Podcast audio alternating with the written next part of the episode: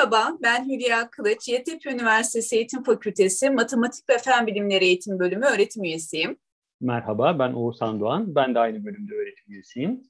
Daha önceki yayınlarımızda ilkokul matematik öğretimine değinmiştik. Bugün de ilkokulda öğretilmeye başlanan bir kavramı ele almaya çalışacağız. İlkokulda rakamları, sayı saymayı, basit dört işlemi öğretirken basit bir şekilde kesir kavramına da giriş yapıyor ve ilk etapta yarım, çeyrek gibi kavramları veriyoruz. Dördüncü sınıftan itibaren ise kesirlerde işlem konusuna geçiş yapıyoruz.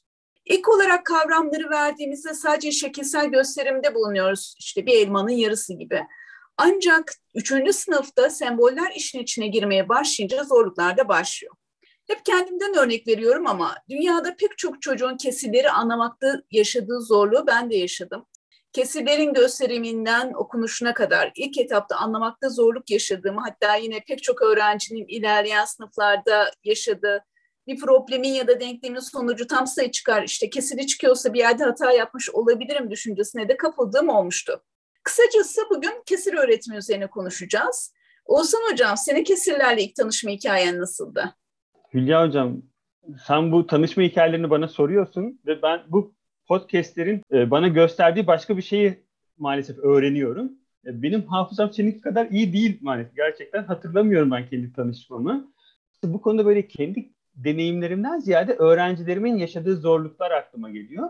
Fakat burada da sözü bugünkü konuğumuza bırakmayı tercih ederim. Bugün kesir öğretimine ilişkin deneyimlerini ve görüşlerini almak üzere MEF Üniversitesi öğretim üyesi doçent doktor Zelha Tuç Pekkan hocamızı konuk ediyoruz. Kesirleri öğrenmekte zorlanmaya devam ediyor muyuz? Ediyorsak bu zorlukları nasıl azaltabiliriz? Biraz bunları konuşmaya çalışacağız. Hoş geldiniz Zelha hocam. Merhaba, hoş bulduk. Teşekkür ederim konuk ettiğiniz için beni programınıza. Çok hoş, çok güzel bir program olacağından eminim. E, hoş geldiniz Zelha Hocam. Biz de güzel bir program olacağını düşünüyoruz. Öncelikle sizin de öğrenciliğinizde yaşadığınız benzer evet, sorunlar olmuş evet, muydu? Bunu sizin... sorarak başlıyorum.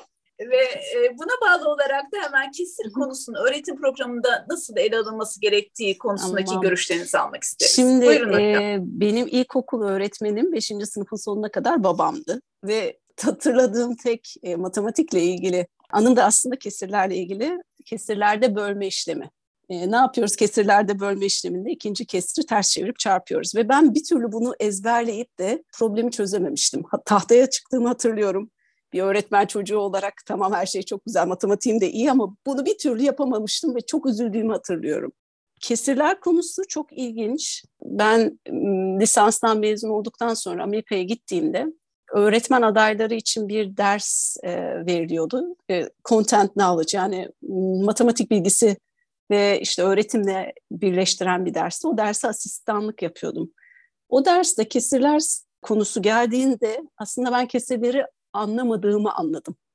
Yani bu liseye gidiyorsunuz, üniversiteye sonra master yaparken başka birisine yardım ederken kesirler konusunun ne kadar güç olduğunu ve kesirlerin biz normalde çok sembolik baktığımız için kavramsal yaklaşmadığımızı ve ona bir anlam yüklemediğimi fark ettim. Yani prosedürleri yapıyoruz hepimiz. Ee, öğretmen olunca da aynı şekilde sonucu buluyoruz. Ama kavramsal boyutuna baktığımız zaman bunun çok farklı olduğunu gördüm. Mesela bir soru ile başlayabiliriz bu konuşmamıza. Dört pizzanız var ya da dört ekmeğiniz. Yedi kişi arasında paylaştıracağız. Bir kişiye ne kadar düşer? Şimdi yedi yaşındaki bir çocuğa bunu sormuşlar. Ne bekliyoruz biz? Nasıl bir cevap bekliyoruz mesela Hülya Hocam, Oğuzhan Hocam? Tabii ben şimdiki bilgimle hani şey yapıyorum. Evet. Biraz 7 yaş hani, diyelim. Evet somut materyal olsa hani her birini yedi parçaya bölüp birer dilim vermeyi düşünebilir ama ilk etapta aklından sanki e, dört tane yediye veremem ki işte yarım yarım versen biri boşta kalır gibi şeyler gelir. Harika. Ben, e, ben evet. de öyle derim sanıyorum. Yani altı evet. kişiye altı kişiye yarım pizzayı veririm. Kalanı da ben yerim. Evet. Biraz dağıtan olarak kendime de torpil geçeyim. Harika. Cevabım böyle olurdu herhalde. Tamam. Oğuzhan Hocam siz bu akşam e, dersten sonra ya da yarın bunu deniyorsunuz evdeki ufaklıkla. e, tabii o zaman Şimdi, şeyi bütünü değil ben yarımı ya da çeyreği ancak yiyebilirim ama tamam bir de, yine de bir denerim. Evet paylaşma olayı. Şimdi şöyle e, bu bunu mesela 7 yaşındaki bir çocuk bunları tabii söyleyemeyecek ama ne zaman ne yaşta bir çocuk bu sizin söylediklerinizi söyler. Mesela Hülya Hoca'nın söylediği bir pizzayı yediye bölmek, bir birimi ekmeği yediye bölüp onlardan birer tane alıp ona e, her birisi 1 bölü 7 toplamda 4 bölü 7 bir pizzanın 4 bölü 7'si olur. Bir ekmeğin 4 bölü 7'si olur. Bu o kadar kolay bir süreç değil zihinsel olarak. Yani ortaokul 6, 7, 8. sınıfta bazı çocuklar bunu yapabiliyorlar.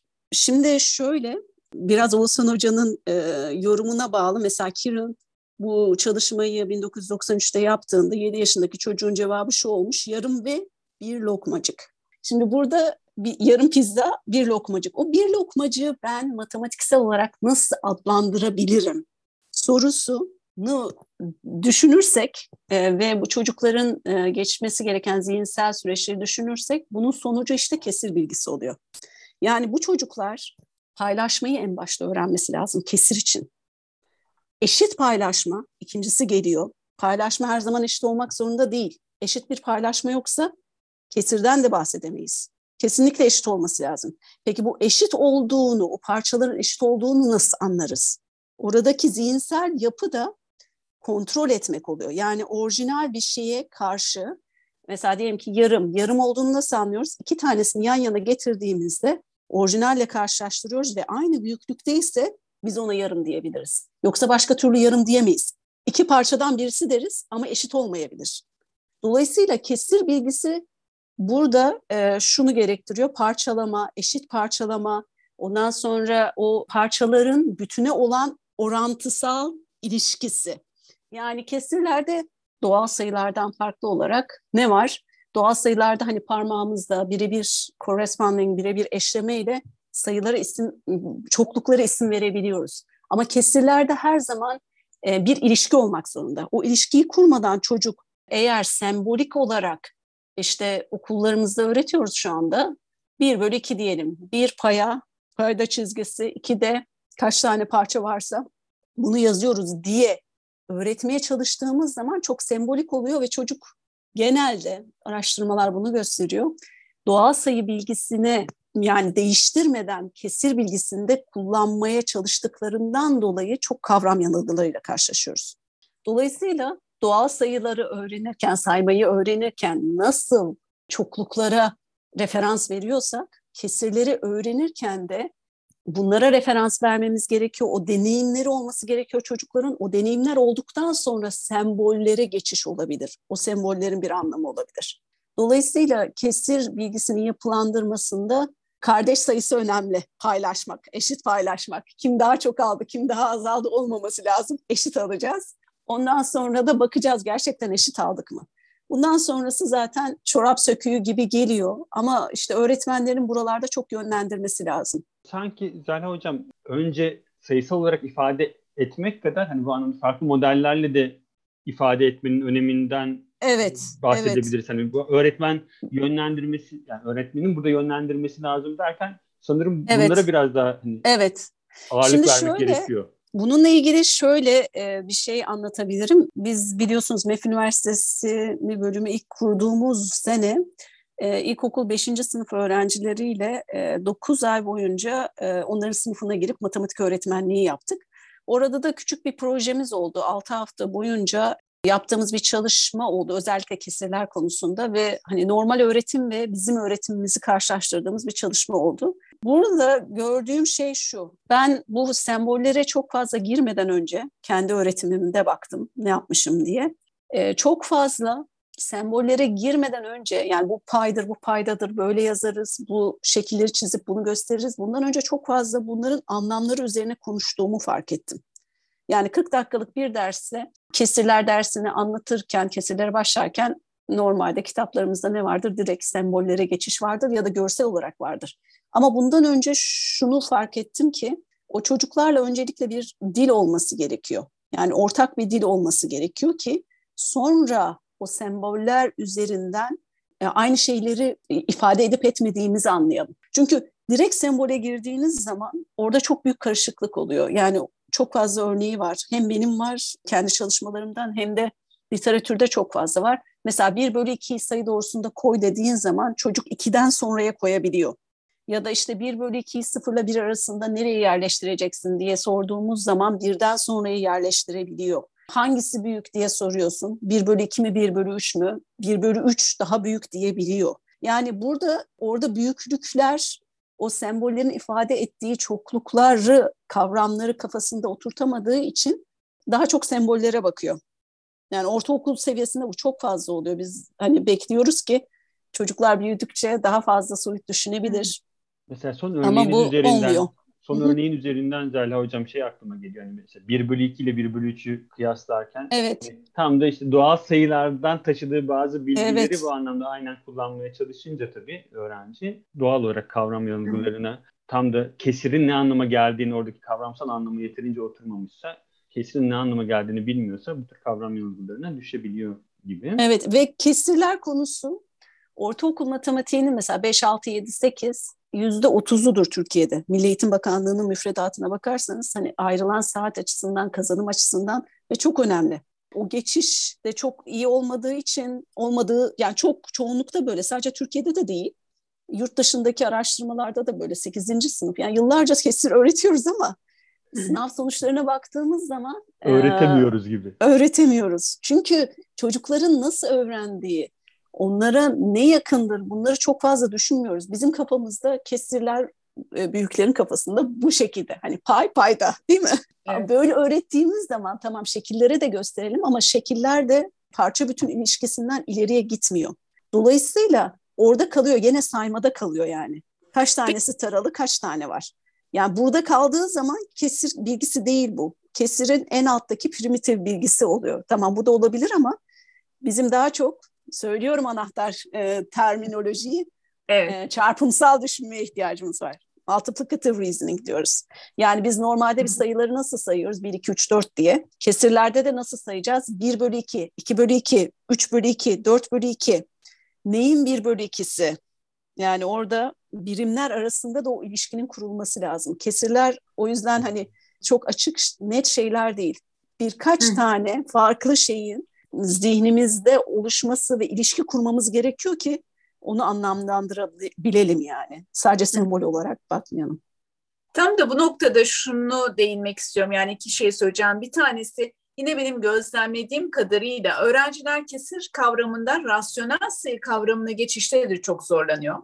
Şimdiye kadar işte kesirlerde somut bir bütün vardı. Evet.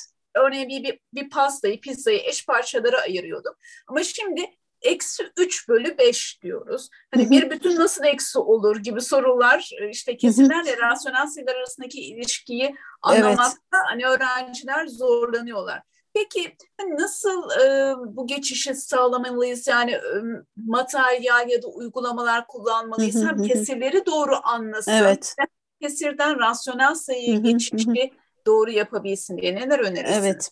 Şimdi bence orada e, biraz da e, şey önemli. Rasyonel sayılarda aslında denklik sınıfları. Yani biz 1 bölü 2 diyoruz ya. 1 bölü 2 tamam bir elmanın yarısı olabilir. Ama bir elmanın e, dörde bölünmüş iki tane 1 bölü 4'te e, ona denk aslında. Ve bu denklik sınıfı sonucunda rasyonel sayılar çıkıyor aslında. Yani o çok daha genellenmiş, sadece kontekste bağlı bir şey olmuyor kesirler dediğimiz gibi. Yani biz kesirleri hep görselli başlıyoruz çünkü yaş grubuna göre o zaman o gerekiyor. Ama ilerledikçe e, daha geniş yani sayı sistemi, sayı sisteminin ilk basamakları evet kesirler ama bunu genişletmek gerekiyor. Hani bu daha çok önerilen sayı doğrusunun kullanımı rasyonel sayılarda. Çünkü her nokta için bir isim bulabiliyoruz sayı doğrusunda. Ama yine burada o kesir bilgisini biraz daha revize etmek gerekiyor. Hani kesirlere gelirken sayı bilgisini, doğal sayı bilgisini revize etmek gerektiği gibi rasyonel sayılara gelirken de o kesir bilgisini revize etmek, daha fazla genellemeye fırsat verecek şeyler olması lazım. Burada da en e, güzel kullanılan şey şu anda benim hani gördüğüm yardımcı olabilecek sayı doğrusu ve sayı doğrusu kolay bir gösterim değildir. Çok sembolik gösterim olarak da e, soyut gösterim olarak da karşımıza çıkıyor çocukların anlaması adına. Ama önemli bir gösterim olduğunu düşünüyorum. Evet haklısınız. Zaten çoğu zaman öğretmenden o kısmı es geçebiliyor ya da aslında kolay hani nasıl orada e, araştırılan kavram, bilgi çok zor olmasa bile zormuş gibi algılanıyor. Hani biraz önce söylediğiniz gibi 1 bölü 2'yi sayı doğrusunda bir yere koymak. Aslında 0-1 aralığını bir bütün gibi düşünüp yarısını alacak ama evet hakikaten şekilde işin içine girince biraz zorlanıyor. Bir Çünkü e, da, Hülya Hocam buyurun. onu ekleyeyim. Yani benim bir çalışmam onu siz de bilirsiniz. Evet. Çember, dikdörtgen ve sayı doğrusunda aynı kesir bilgisini gerektiren soruları sorduğumuzda sayı doğrusunda neredeyse yarıya düşüyor. Yani çünkü çok alıştıkları için çocuklar belki de çember ya da işte dairedeki pizzayı bölmek çok daha kolay geliyor. Ama pizzanın dezavantajı şu, bileşik kesirleri geçtiği zaman o multiplicative e, yani çarpımsal düşünmeyi engelleyen bir şekil oluyor. Evet, Dolayısıyla doğru. lineer şekiller ve artı onun üzerine sayı doğrusu daha da soyut. Yani dikdörtgen de olsa onun başlangıcı sonu karşımızda gördüğümüz diskret bir şey olabiliyor. Ama sayı Hı. doğrusunda hangisini, bütün sayı doğrusunda mı ben bir diyeceğim diyor. Mesela öyle algılayan çocuklar da var. Çocuk daha kesiri anlayamadan onu revize edip de rasyonel sayılara geçmesi de çok güç. Biz bunların hepsini hani büyüdüğümüz, büyük olduğumuz için semboller daha kolay geliyor bize ama öğrenen kimliğinden baktığımız zaman daha kompleks şeyler var. Ama sayı doğrusu genel olarak da uygunsa iyi bir tool diyebiliriz yani iyi Peki bir, bir araç. Düş, Hocam şöyle düşünülebilir mi burada? Hani sayı doğrusu biraz daha soyutlaştırmamıza yardımcı ol. Tamam bir yandan somut olarak yerini tespit ediyoruz ama aynı zamanda kesri yavaş yavaş o alan ve benzeri gösterimlerden çıkartıp soyutlaştırmaya da yardımcı oluyor.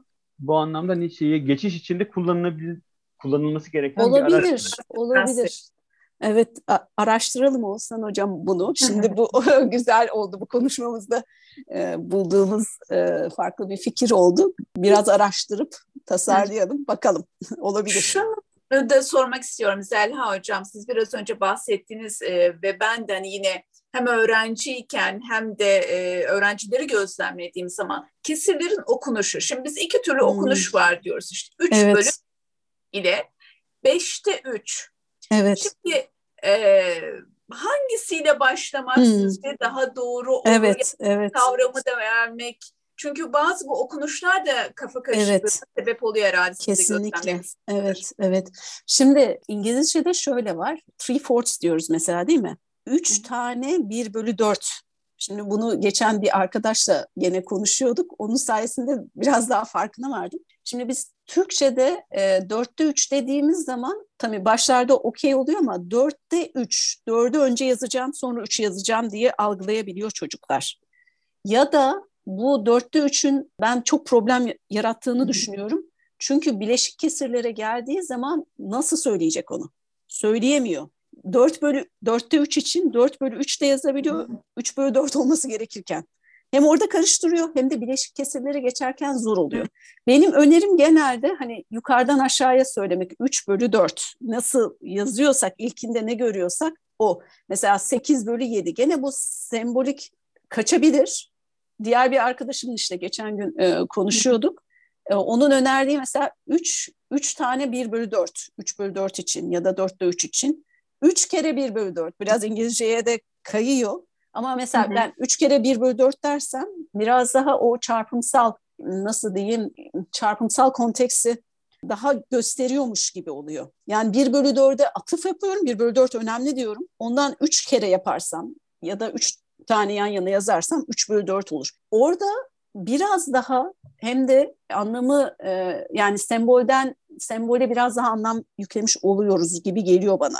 Dolayısıyla ben genel olarak 3 bölü 4 öneriyorum ya da 3 kere 1 bölü 4 olabilir. 3 tane 1 bölü 4 olabilir ama 3 tane 1 bölü 4'ten henüz emin değilim. Çünkü o bir e, topl- toplamsal ifade de veriyor ve biz kesirlerde evet. daha çok çarpımsal düşünmenin daha önemli olduğunu düşünüyoruz. Ona da bir bakmak lazım. Ben de tam sizler konuşurken dörtte üç bana da şeyi çok çağrıştırıyormuş gibi geliyor Zerha Hocam. Orantısal düşünme yani. Dörtte üç, on ikide dokuz e, ya da beşte iki, onda dört. Sanki evet. bu kullanım da bence kesirlerin önemli bir şeyi diyelim. Hmm, evet, evet. Katkısının olabileceği orantısal düşünmeye de referanslar içeriyormuş evet. gibi geliyor evet. bana. Hani e, tamam bir yandan dediğin zorluklar var ama bu kullanımın da başka bir kapı aralayabileceğini Şimdi, düşünüyorum. Ama gerçekten çok, şey, çok güzel şey, bir alan evet. değil. Yok yok çok güzel bir noktaya değindin çünkü ben de oradan şimdi sen bunu böyle söyleyince bir e, bağlantı geldi aklıma. Şimdi mesela diyelim ki 5'te 2, 10'da 4 diyoruz ya. Şimdi normalde çocuklar saymayı tek tek öğreniyorlar değil mi? Sonra ne yapıyorlar? Hani ritmik sayma. Evet mesela 2, 4, 6, 8 gidiyor. Bunları söyleyebiliyorlar. Şimdi çocuklar eğer sadece şimdi bunları söylüyor ama anlamlarını bilmiyor Sonrasında da sadece toplama mesela toplama kısmına yoğunlaşabiliyorlar, e, orada kalabiliyorlar. Çarpımsal düşünmeye geçemeyen çocuklar var ve onlara kesir öğretmek doğru değil. Şimdi şunu demek istiyorum ben. Mesela diyelim ki onda iki tane beş var değil mi? Evet. Evet. o zaman onun yarısı, onun yarısı beş değil mi? Şimdi bu ilişkileri evet çocuklar yapamazlarsa yani beşi bir tane bir şey olarak algılayıp ona bir bölü iki diyecek. Yani onun yarısı, onun bir bölü iki ile çarptığım zaman sonuç beş çıkıyor diyoruz ya. Orada birimler var. Yani o birimleri tek tek de bırakabilirsiniz. Siz parmağınızın mesela 1, 2, 3, 4, 5 diye tek tek sayabilirsiniz. Ya da bir elimde beş tane parmak var diyebilirsiniz. Bir elimde beş tane parmak var ya da 1, 2, 3, 4, 5 parmak bu ikisindeki eşitliği görebilen çocuklar kesirlerin o orantısal düşünmesi ile ilgili diyoruz ya hani dörtte iki, onda beş bunu yapabilirler. Ama çocuklarda bu yoksa beş tane bir ile bir tane beş aynıdır. Ben istediğimde onu kullanırım, istediğimde ötekini kullanabilirim diye biliyorsa o geçişi yapabiliyor. Yani biz normalde böyle hiç düşünmüyoruz tabii orantısı olarak hani e, sadece işte gördüğümüz şeyleri büyüttüğümüzde diyoruz ya da küçülttüğümüzde aynı oran kalıyorsa o çoklukların birbirlerine olan oranları aynıdır diyoruz ve aynı kesiri kullanabiliriz diyoruz değil mi? Ya da denk kesiri kullanabiliriz. Ama işte e, orada dediğim gibi bir tane daha farklı şey işliyor.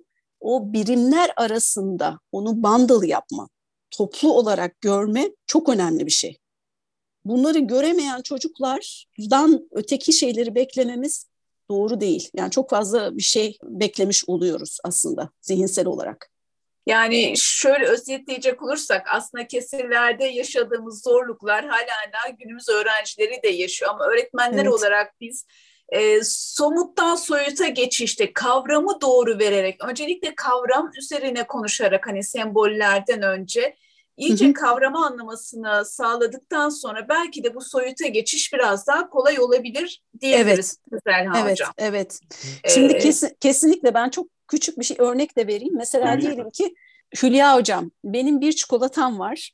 Ee, sizin işte şu kadar büyüklükte parmağım işte şu kadar çizdim. Sizin çikolatanız benimkinin beş katı. Hı Sizin çikolatanızı çizebilir miyiz? Nasıl çizecek onu çocuk? Bu önemli bir şey kesir için. Ve sonrasında evet. diyelim ki sizin çikolatanız var, benimkisi onun beş kat küçüğü. Bunu çizebilir misin?